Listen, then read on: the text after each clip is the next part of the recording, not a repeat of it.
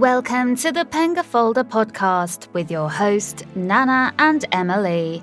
They invest remotely in the UK and live in Sweden. In this podcast, they will be interviewing interesting guests that all invest in the UK property market.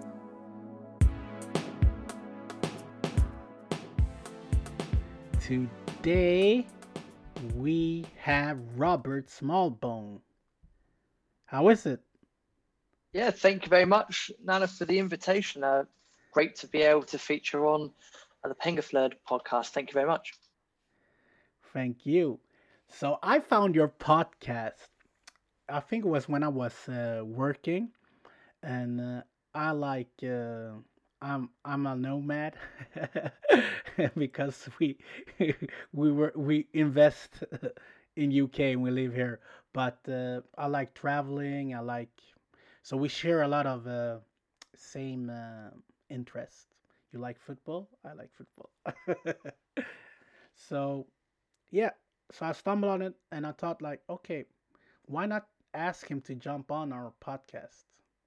So who is Robert? For us, that's a that's a tough open-ended question at the best of times. Uh, oof, uh, who am I? Um, well, I suppose if if I'm going to be philosophical about it, I think I don't know because I think we're learning about ourselves every day. So it's difficult to really assess who I am. But if, if you want a sort of a, a brief background, so my traveling, uh, my traveling, my background really is uh, usual stuff. I grew up, went to school, uh, went to university, didn't know any better, got my degree, uh, got that in 2010, then uh, went traveling around Southeast Asia and, and across the USA uh, by land. That's good fun. Uh, came back to the UK, went went back to, well went to work for a couple two and a half years, um, saved up, went to the World Cup in Brazil in 2014, and then from there travelled around South America and Central America with what is now my business partner. Um, finished that in 2015, came back to the UK, and you know we'd had multiple conversations about you know getting involved in property you know so many bus journeys and and everything like that. And yeah I started doing research property wise in 2015 uh, set up our company devoy and smallbone properties in 2016 and, and, from there we've you know every day's a new day um, mainly buy to let investing in the north of england. And one thing's led to another and yeah the the host of or co-host of the uh, Property Nomads podcast as well. So that's me in a nutshell. Yeah. Okay. Very interesting. First, the football. I wanted to go to the World Cup. I really wanted to go before all of this war. I'm not a fan of that. no. But um, uh, yeah. Oh, but that's very interesting. That's what I mean. That's why I said that we share a lot of uh, in the, the same interests, like traveling, etc. So, I if I'm recall it right, you're based in Hull, right? Uh, yes, at the time of recording, yes, based in Hull in uh, northeast yeah. or east of England. Yes. Yeah. So is that also where you invest, or do you invest uh, everywhere? Um, yeah, it, it's the main area for investment. Uh, we have we sort of we've created this triangle of an investment area. So uh, we the main area is Hull. Uh, we also invest in Burnley, uh, in Lancashire, and then also uh, in the Rotherham area as well. So South Yorkshire. Um, you know, re- reason for that being that we didn't want to put all our eggs in one basket and have it in the same yeah. place. You know, I mean, smart. You know, those, those that know Hull, and I'm not making a scientific prediction for 50 years' time, but Hull is very flat, and uh, you know, with a concern of rising water levels, you know that that could that could be challenging in years and years to come, or you know, for the people that inherit the portfolio, kids or whatever. Um, so we've got this sort of triangle approach as well. But to be fair with you, Nana, it's you know if you're going down the sort of a buy to let strategy, in the north of England, uh, it, it, really doesn't matter where you go. You just pick a town and do it. You know, pretty much every town's going to have the similar characteristics. You know, going to have a railway station or, or, a bus station. They're going to be relatively well connected, and, and people are, you know, going to rent. So, yeah, that we just picked areas and and just that's it. So, so this uh, triangle uh, strategy that you guys are doing, that's uh, I never heard about it. Very smart of you guys. That, like you mentioned, that you diversified. Uh, you don't want to put all of your eggs in one basket. Who came up with it, and how how long is the distance, you know, from each uh, town or city, if I may ask? Yeah, of course. Of course. Um, we didn't really come up with it. We never actually planned it. Uh, we, we, we use property sources um, for, for most of our projects. And, you know, again, through networks and through knowing people, but we, we got given an opportunity in, in Burnley and in, in, in Rotherham. And, you know, we analysed the numbers, we done our homework, we looked at the area, and, you know, you mentioned about football. Ironically, that is normally how I associate something. It's not does it have a football team, but you know, it it does help. Believe it or not, it's it's, it's strange, but it does help. Um, so it, yeah, we didn't plan it. it. It it just happened.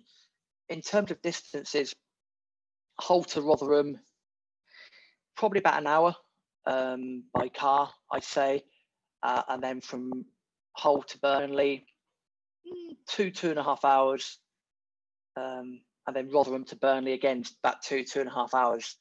So it's not that much. Yeah, it's not that big a distance to be fair.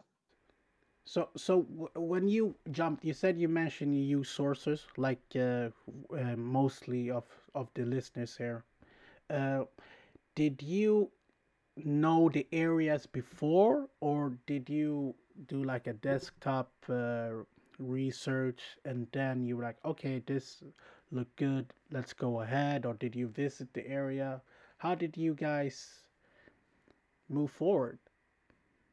So in terms of in terms of hull there's there's a lot of incentives uh, and this was back in 2015 2016 there was a lot of, of incentives to do with renewable energy you know, there's some massive, uh, for those that are familiar with Hull, there's some, you know, some massive wind turbines, uh, wind farms just off of the coast uh, and, you know, just off of the, in the North Sea.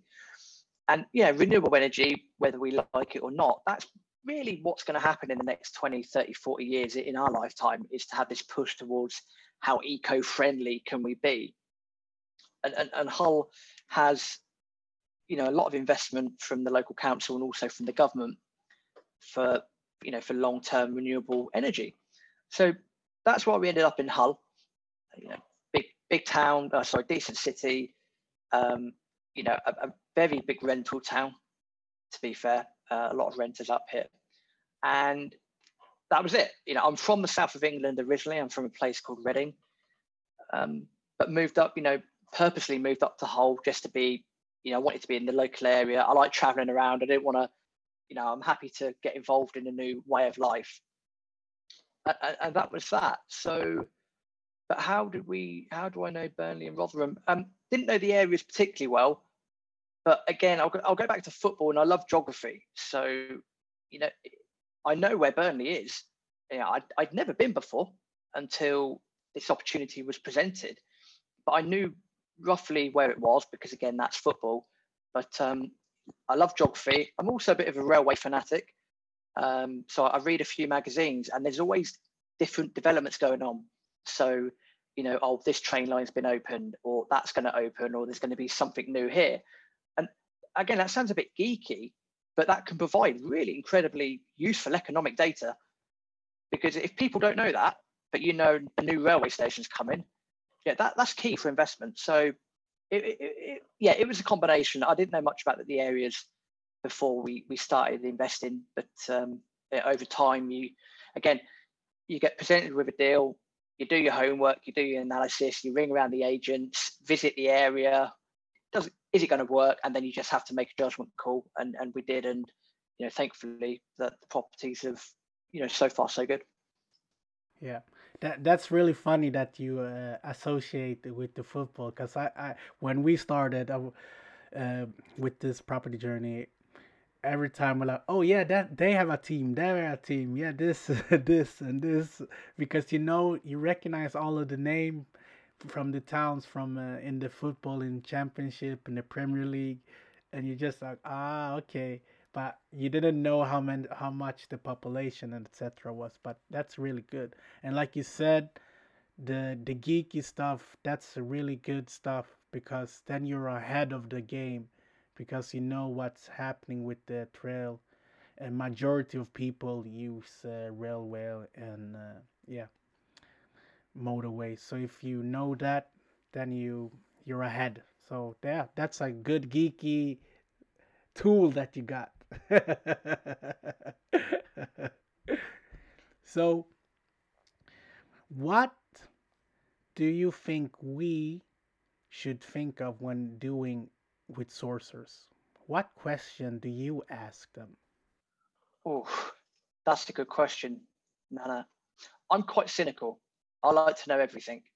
Uh, that's just part of my nature. So for me, I want to know how long they've been in operation, what's the name of the company, you know, search on Companies House, what do other people say about them, you know, clients that they've done deals with, do they have yeah. good deals or do they, you know, if they say it's off market, is it off market? Yeah. It's very easy to, you know, have an off-market deal that you can then go and find on Rightmove. Um, yeah. I want to know if they've got all their certification in place. You know, do they have AML in place? Uh, so for those that don't uh, know what that is, that's anti-money laundering. Uh, you, as a sourcer, you've got to have that in place. Uh, are they part of the PRS scheme uh, or the property ombudsman? Um, you know, the, the rest, the basic homework I could do myself. I think every investor needs to do the basic homework you know about an area you know that's important so yeah i'll, I'll ask everything um it's it's a it's you know as you've said many a time before it, it, and as many other people have it's a people business and you know i'd rather ask questions because it works two ways those people don't know what i've got and i don't know what they've got you know for all they know you know they might look at me and go oh no he's another time waster i could be sat with five million pound going, if I like you, I'll do I'll do a do a day. You know, but they don't know that. Yeah. You know, I, by the way, I haven't. For those that don't don't email me, I haven't got five million pound in my bank. I'll let you know that for now. I will at some point, but, but not now. Um, so yeah, I want to know everything because there, there's there's so many dodgy people out there that don't understand the rules, and you know we've we've just got to be careful. So yeah, I, I want to know everything, and I will ask a lot of questions. Yeah. So that leads me into why do you use sourcers? Why don't you uh, buy your own uh, properties and you know do all of the project management, all of these stuff? Is it because you want to be like an armchair investor, or yeah, why?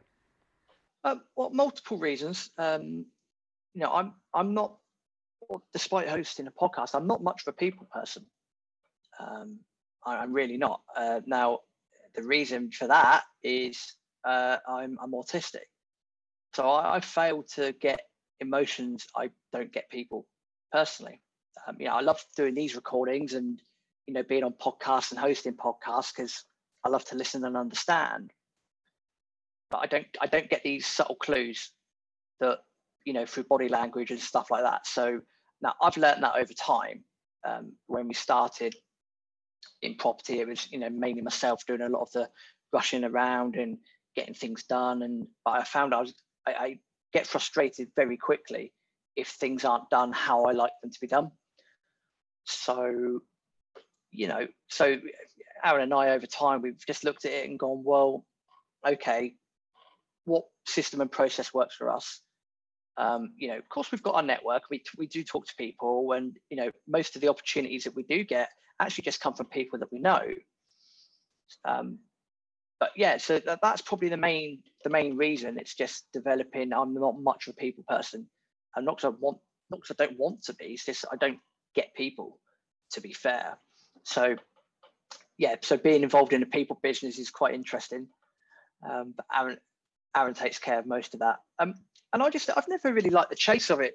To be fair, um, I love I like property. I love I love I love the information and I love bits and pieces. I, you know, stuff like that. It's, it's really good. But yeah, in terms of like trying to project manage, I am the worst project manager.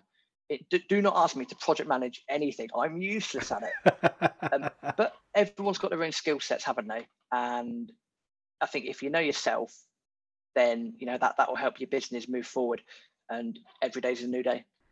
Yeah, obviously it has moved forward because you've been buying a lot of deals going forward. So as long like you say you just need to be aware of what you're good of and what you're not. And i'm not gonna sit here and say i'm good at spreadsheets and etc but i know my missus is. So why should i even go into that even if she really wants me to understand it a bit how you can do it etc but i'm like i should just focus on, on my strengths and uh, basically that's what you're doing. So yeah good good on you there good on you there. So that leads me into uh, my third question. So what do you think is a reasonable amount paying a sourcer? That depends on the deal that, that if you're doing a buy to let now because okay. I, I think that's what we're talking about right yeah um or because you do buy you're doing buy to lets right or or do you have a other HMOs and commercial, or you're you're mainly doing buy to lets, if I if I recall it right. That's correct. Yeah, our, our, our main strategy is is buy to let. For me, I'm happy to pay. I say I, we are, we're happy to pay around about three thousand. You know, if if the deal if the deal passes our criteria, and you know you got you got two different types of deal. So right, in our opinion, you've got two different types of deal. You've you've got the ones where you can obviously buy below market value, add value, refurb, and you can you know come in and out of the deal relatively quickly. Or we've got the other approach, which is again a very long-term approach, is let's just say we've got an investor that's got fifty thousand pounds and they are happy to give us the finance for a couple of years. Then depending on the property and what what's going on, we might just buy the property on with a mortgage for on a two year fixed period, do some work over time, and then in a couple of years' time, refinance, give the investor their their money. So we've got two ways of doing it, and it depends what approach you want to take with it. But now, in answer to your question, I'd say uh, three thousand is reasonable. Um, again, it depends on the numbers. If it's a a true, as they say, money in, money out deal, which you know they're, they're not impossible to get. They're, they're rare, but they're not impossible. And I've seen people, you know, charge five thousand for that. Then, you know, it's a cost of business is the way that I'd look at it. So depends on the deal, but three thousand I'd, I'd say is ballpark. I'd say that's reasonable for a decent buy-to-let deal. Yeah. Okay, that's good. So that leads me into this question that you mentioned, this this follow up question. You said that you have this second strategy that you do with your investors that you take their money and then uh, you park it and then after two years you refinance have you actually done that and see the capital growth uh, go up and give back the money to the investor yeah yeah I, will give you the most recent example I was um, again at the time of recording, we had a refinance done uh, recently. Um, I bought it for fifty-five thousand a couple of years ago, two two and a half years ago. Uh, revalued up at eighty-two. Um, so we're able to pull, and again, taking into account two and a half years of cash flow there from from the rent as well.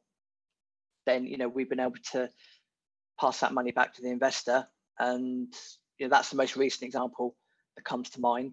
Um, Free house. Pretty much. It's, our approach is long term. It's very, you know, we, we've tried many things. We've looked at different things. We've had things that have worked, things that haven't worked as well. And, you know, Aaron and I take a very, very long term approach to it. You know, we're both early 30s. We're going to be doing this in some capacity when we're like 50, 60, because we've both got a very long-term approach. Um, you know, so yeah, we're, we're happy to we're happy to to work like that because at the end of the day, you know, for us, the, the key thing's the investor. You know, the investor's got to be happy, and if you can build that rapport with the investor, and you can build that trust, you know that that that it's not automatic, but that that that can lead to a lot of repeat business. And if you're dealing with the same pot of finance, it's you know happy days for everyone. Really, it's about the win-win situation. Yeah. Yeah. You've you've you bought a, several uh, source deals. Have you bought a deal that you uh, it wasn't accurate what they said in the end? Like, did you have complications? Yeah, we, we've had a, a couple of deals we've bought. We've had complications with. Um, you know, re- refurbs weren't what they meant to be. You know, prices changing at the last minute. Um, you know, things that have been found in the property that weren't brought to anyone's attention. And I think in that situation, you, you can really do one of two things. You, you, can sit and blame everyone else, which is easy to do. Uh, we all love moaning in the UK. Yeah. So yeah, it's easy to sit down and, and blame other people. And sometimes that's correct. Sometimes there are things where it is valid to that it is someone else's fault. But the second time, Nana, you've got to look at yourself. And you know, if I if I go back to some of the source deals um, that that haven't been as good as they could have been, um, sometimes they've been things that I've missed.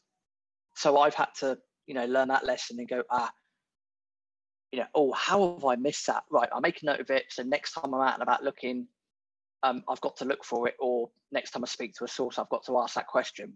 So it's about learning from those mistakes and not repeating them. And yeah, we have to look at ourselves first. That's important, and it's a two-way street. You know, we cannot just sit here and expect sources to do everything for us.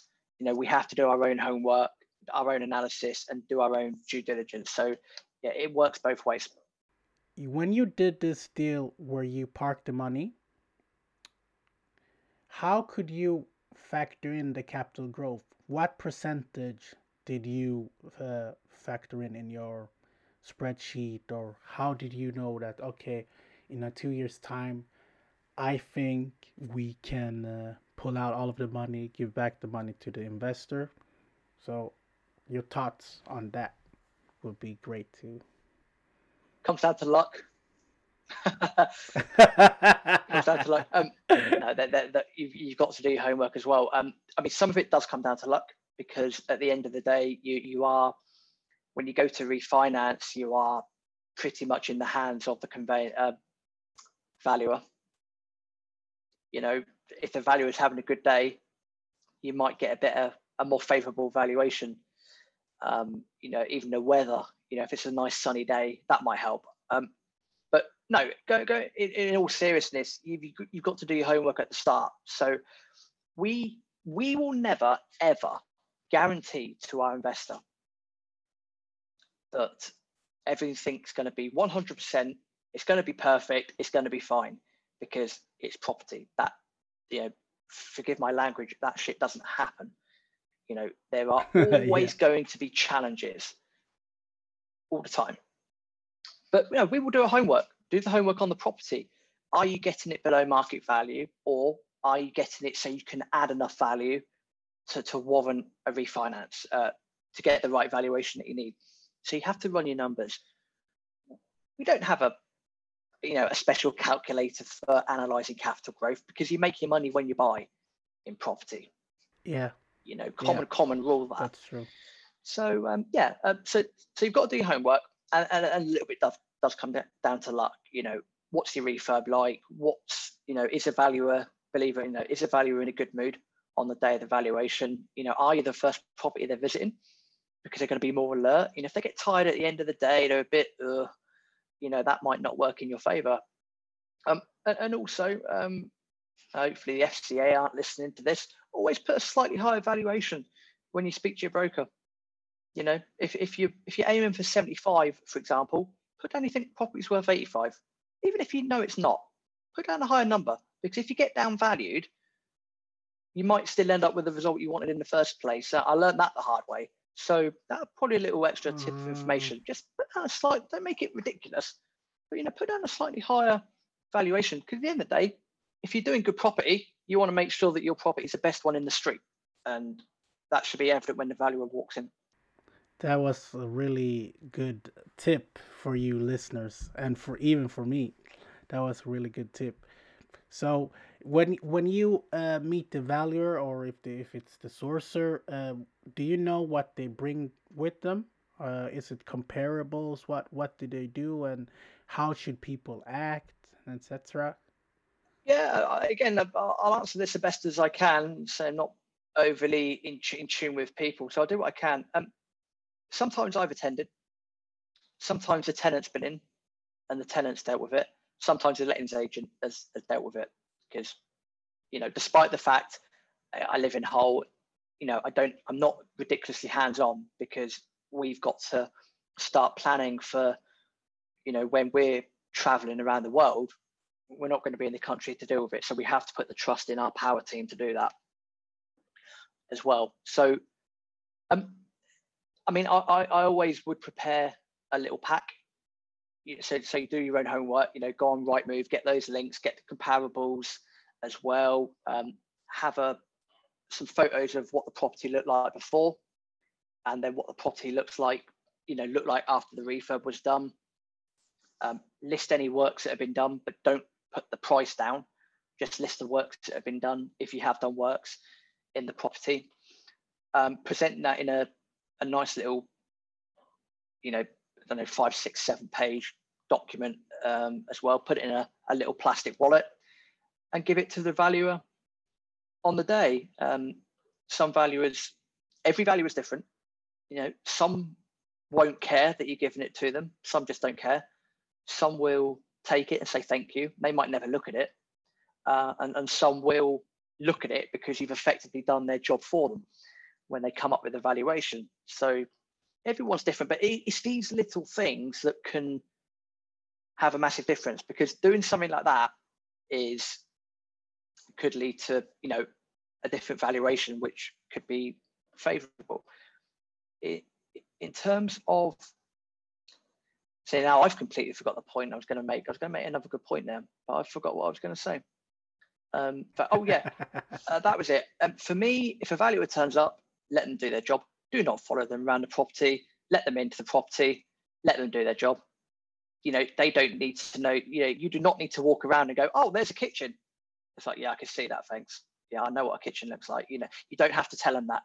Um, I, I let them in. They do their job. Be courteous you know even if they're a miserable person. Just be courteous be nice be be friendly be smiley.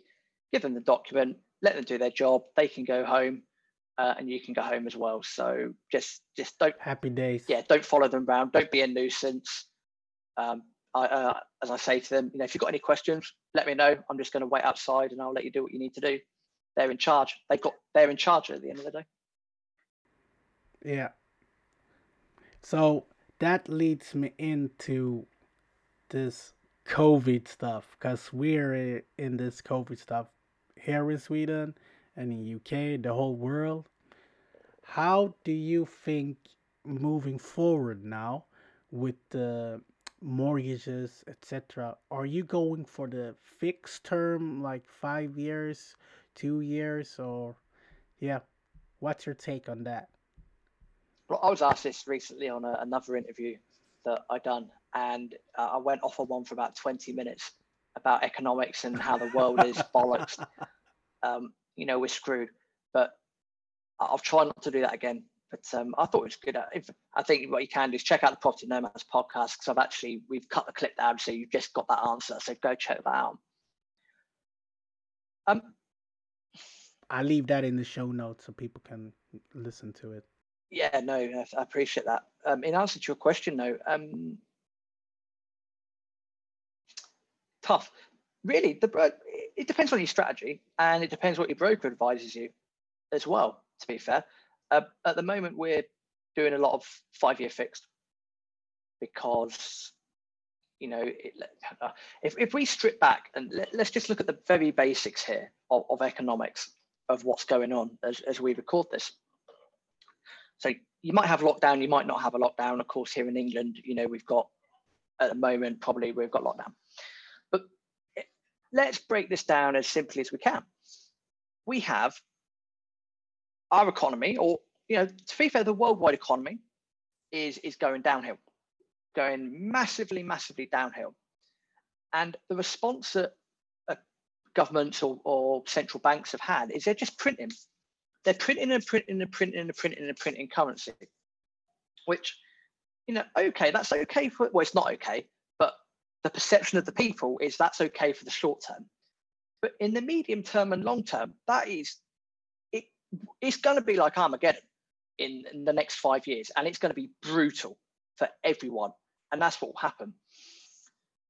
The challenge that we've got though is that because some genius in Westminster come up with this idea of uh, changing stamp duty, all this pent up demand from the first lockdown and uh, investors as well as regular people that are, are buying and selling houses to move, because of the change in stamp duty, they've kind of um, not exploded the market, but all this pent up demand has just been unleashed on the property market.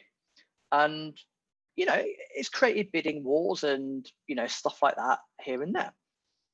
Now, I don't know what that's going to look like at the end of March, but the point I'm trying to make is that in a time when most of the world is either in a recession or we're having this massive depression that we're, we're a part of, and it's going to be around, it's going to be generational, whether we like it or not. But housing seems to still be shining. And, you know, that's scary because to me, that's, that is an anomaly, that's a bubble. And you know, all you've got to do is study history, study cycles, and you've got to realize that bubbles will burst. So I'm a bit skeptical from that. And I think that don't get me wrong, for people that are listening to this, don't take what I say as, oh, it's doom and gloom, it's the end of the world. There are always opportunities in property, but no matter where we are in the cycle, every good entrepreneur, entrepreneuress, entrepreneurial person will find a way to make money. It, it, that, that's life. But you've got to look at the reality of it. You know, the, the, the psychological impact of the housing market in a moment is, is people are looking at it positively. Well, that's good for that's good for the economy, despite everything else that's going on. But the virus isn't going away. The lockdowns aren't going to go away because people are still moving. You need to stop everyone from doing everything and create a vaccine. That's years away, in my opinion. And yeah, economically, it concerns me. So that's why we're looking at five year fixed. And, and we're not doing too much buying at the moment because our instincts tell us, Aaron and myself, that at some point in the next, maybe it's 2021, maybe it's 2022, maybe it's 2023, it will burst. And when it bursts, of course, stuff will go down. And that's where you want to be, again, cash rich um, and not be revaluing your properties. So that, that's why we're looking at five year um, at the moment. And, you know, I understand that that might be stuff that people don't want to hear. And they might think, uh, you know, Rob, you're just being skeptical, you're just being overcautious. No, no that's economics. You know, you got you got to understand yeah. this, and that's what's happening. It's it's dangerous, and not many people are seeing it because we're controlled by, you know, we're effectively we're being controlled by this virus. But as a society, we've not had to deal with this for over 100 years. Spanish flu is the last one. That was 100 years ago. So, so we can have a recession all day long. That's fine. That's not a problem. That not an issue. But when you put a virus in and you put a pandemic in, it's a different story. And if people want to kick around with their everyday lives, and again, I get it. I understand that if you work in a theatre or you're working at a restaurant, you know, the fear of being made redundant and not having your job and the pressure that puts on you to pay your bills and pay your rent. I get all that. And that's unfortunately, that is just part of what people are going to have to go through. But also, Nana, I would hope that's why, you know, I know we spoke recently, you got into property for various reasons, this is also why people like yourself, ourselves, people listening to this, that's why you get into property. Because when the shit hits the fan, yes. like it's gonna, if you're cash flowing okay, you can you can ride it out. And you know, hey, Yeah. but five year fixed mortgages, yes, that's why, because we're looking at the economics and going, yeah, we don't want to be refinancing in a couple of years because we, we we do think that it's there's gonna it's something's gonna pop. And yeah, you don't want to be refinancing then because you're just gonna get yourself into a negative equity situation, which you know isn't necessarily good. Yeah, that's a good good answer, and I really uh, I'm also really geeky with the macro economics because you need to know what's actually happening, and I don't understand all of this stuff that's really happening in the UK or even in Sweden. It seems like everywhere in the world, people house prices is just going up. It doesn't make sense. People are redundant, like you said, and they're just printing money. It seems like people are just living in this bubble, you know. And uh, when it breaks or when it cracks or pop, that's uh, when the shit hits the fan, like you said. And that's when you want to be and buy, like you're saying. Yeah. So definitely, totally agree It, with you. it's I mean I don't know how you feel about this, but it, to me this is scary that people don't seem to understand property investors don't seem to most property investors not everyone i get everyone you know but most people don't seem to understand this because they're, they're trying to ride this crest of the wave and going everything's gold and everything's great. Trust me ain't gonna it's not gonna be but it's a market cycle. It's gonna go down you know it's gonna get worse and then it'll get better and then you know we'll go through the cycle again that just look at the history of it. You know there's there's so much out there. Um you know we'll have bad History times always we'll repeats itself. hundred percent, hundred percent. But uh, that, that's me ranting. I've just gone off on one, but yeah, it. I- I believe people need to understand this more uh, because it will help them make the decision that goes back to your question about what sort of mortgages. Always speak to your broker, of course, but if you get a, if you get a little understanding of economics, that might help you to make a decision about what the most appropriate mortgages are to go for because it helps your overall strategic plan. Yeah. So, uh, what do you see in the current market? Market, the changes that have happened, like the demand for uh, property and etc. What type of demand? I, I think uh, I'll just go back to the stamp duty changes. To be fair, where, where they've relaxed stamp duty, and again, that has a really positive impact on on regular people that are looking to move houses. Um, you know, uh, th- th- th- all this demand from this first lockdown has just unleashed itself onto the market, and I know the government are looking at different planning rules and changes and to help make things like that a lot simpler. That's absolutely fine that's not an issue. But for me, yeah, I just see that there's a lot of demand out there and there's a lot of competition. And that doesn't concern me, but certainly in the last lockdown and the one that we're going to go through in a minute, is I've taken a lot of time to take a step back really from property and actually just focus more on the economic side and go, what's going on here? And you know, as you've just said, it doesn't add up. You know, so yeah, uh, maybe I'm a bit more cautious than most, possibly. And it's not about me, you know, it's not about I'm right, you're wrong, or or you know, when it goes bad, oh, hate to say I told you so, I'm the best. It's not. It's not about that. It's about how I look at things. Uh, and you, you, of course, you love macroeconomics as well. We're looking at things a bit differently here and going, hmm, doesn't add up. Something doesn't add up here. And look at the history where when it doesn't add up, it's gonna go down and that's what I think will happen personally. Yeah, and I think as well because both of us are looking for it in the long run. So even if we sit out sit this out one year, two years, or whatever, yeah, okay, it's one two years, but we're still safe, and the investors' monies they're safe, and still we have deals that are cash flowing, so it doesn't matter, you in the meantime, as long as you don't, you know, people sometimes they rush just to expand, you know, and then when you expand too quickly, you just there's no way back, yeah, or it's a very long way back. So I think your approach is uh, is is great. And, and, at the end of the day, as well, you know, if if your property's worth a hundred thousand pounds and your cash flow in two hundred pounds a month, then that's great. If your property's worth one pound, but your cash flow in two hundred pound a month, doesn't make a difference, does it? It's all about the cash flow. So yeah. So what's your why? Why are you doing this? I know you mentioned uh, a bit of it, but like, do you really have a big why? Why? Travel is, is the main thing. Uh, that, that that's the thing that yeah. drives us, and, and again, that's difficult at the moment. You know, um, so yeah, travel is what drives us. We want to create this. I'm not. I, I hate using the word legacy, but you know, we we are thinking, you know, that well, okay, we want to create a legacy. there you are. So we want to create this, um, you know, thing that's going to stand the test of time, and that we can pass on as well. And I'm sure that you know Aaron's going to have I, imagine Aaron will have kids of his own in the future. I'll probably have kids in the future. You know what happens then? I don't. I don't know. That's too far ahead to think about. But really, travel, uh, travel and sport because we love.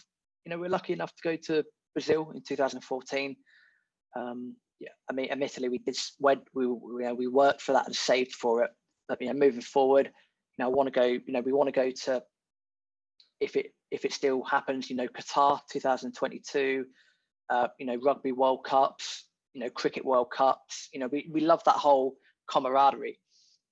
But we also we also love going off the beaten track. And, you know, we know that if there's assets behind us and the right people are in the right place with the right systems, then you know we're going to be able to do that. Um, so yeah, that that's it as well. And you know, we have a duty to other people that want to become financially free in property as well. You know people want a, a, decent return on their cash just like everyone. You know you do the same with your investors in sweden. You know go with the knowledge build that trust build that rapport. And if you can help them and you can also help yourself at the same time and create a win-win situation you know that's that's absolutely perfect. So but no I, I want to visit every country in the world by the time i'm 50 that's my main driving force. That's my main aim and also you know to, to have more time to do other things you know, study new things, visit new places. So that, that's what keeps me going. Wow. What tips can you give us as uh, international investors? What with regards to investing in property? Yep. Okay. Or in the UK in property, yeah, exactly. Um, well, sort of goes in goes in hand with what we've just said. Uh, understand economics. Number one understand it. You know, you're never going to get perfect timing, but you can always get good timing if you like. You know, if you study hard enough. Um, yeah, one would be understand economics. Number two, there's always opportunities. So it doesn't matter where we are, what's going on. There's always opportunities. Investing internationally. Take time to build up your network. Take time to study people, work with people. And again, I say this from you know what I've learned o- over the years. Um, takes time to build up trust. You know, there's going to be many people out there that want you know to earn a quick a quick buck, and you know there are as as with any industry, you know there's going to be bad people out there. Just be careful. Um, get involved in the right you know networks. Listen to the right podcasts. You know, like course this one, R one. There's m- multiple podcasts out there. You know, get that information that's key. Um, read books, and I've written a couple of books as well. Uh, you can go check them out. Um, I'm sure I'll mention that at the end anyway. And just soak up that information like a sponge. But yeah, take time to build the network. Don't just rush into something. You know, take time to analyze it, understand it. Don't be afraid of making mistakes. We all make mistakes, and you know, hey, in property, sometimes that costs money, but that is what it is. You, you know, it's part and parcel of business. Don't be afraid, and uh, as you've pointed out, greatly, Nana, is know your why, why you're doing it. You know, for me, it's travel. For you, it's your daughter, and you know, everyone's everyone's why is going to be different. So, yeah, uh, um, a multitude of things really. I mean, there's a lot of great content out there. You know, um, you know, I've done training and this and that. You don't have to do it. I mean, I advise that you do. There are some there is some good stuff out there, but you can get a lot of information from books and podcasts and you know just just go out there and, and do it really. Um, i think there's about 10 things there. Hopefully they're all useful. That's good. That's good. You you cover a lot but that's good. So i have this question that i ask all of my listeners. If you had unlimited funds, who would you get as a mentor? If I had unlimited funds, who would I get as a mentor? Yeah. Hmm. it can be. It doesn't have to be property. It can be everything. All right. I would say. all right, you caught me off guard. I'm just going to say Jeff Bezos. Okay. Um, you know, one of the richest Why? guys in the world. Uh, saw, you know, massive gap in the market. Uh, that was 20, 25 years ago. You know, and there's still there's even more gaps that have appeared in the market.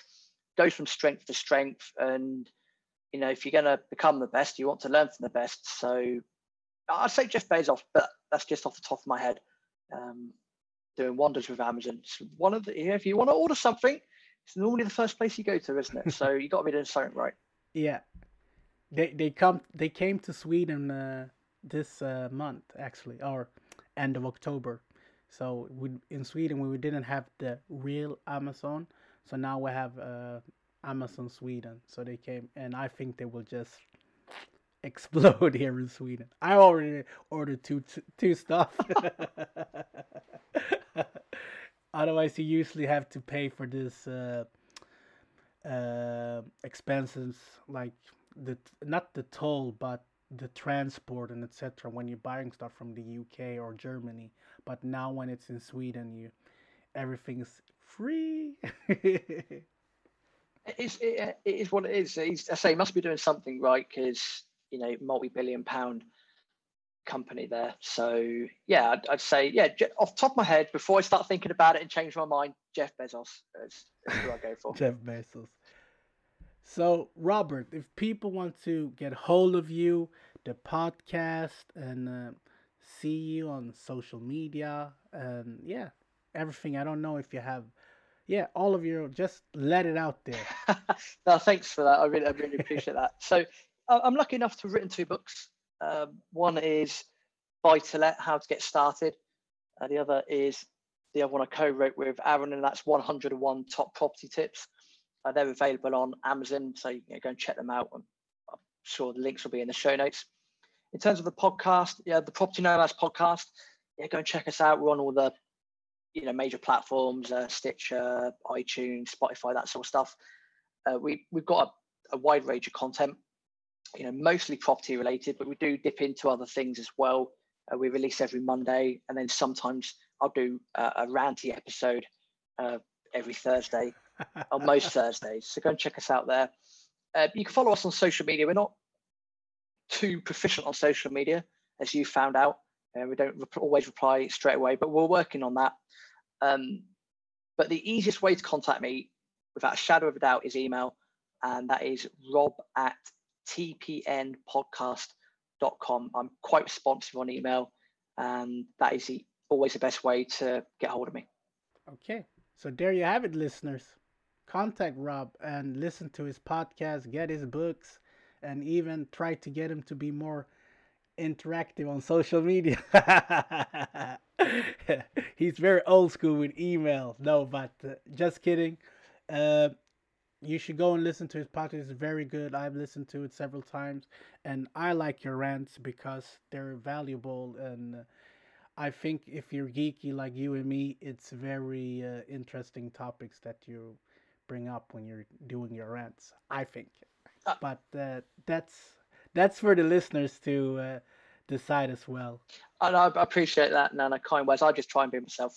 You know, I'm not perfect, and uh, I've got a different view from most people in the world. So I'm just happy to be myself, and uh, I'd just like to say a massive thank you to you know yourself, Emily, as well, who's not here today, for giving the time today to be able to record this. So uh, massive thank you to yourself as well, and uh, all the best moving forward. Thank you, thank you the same. So people, don't be stressed. Invest. Bye.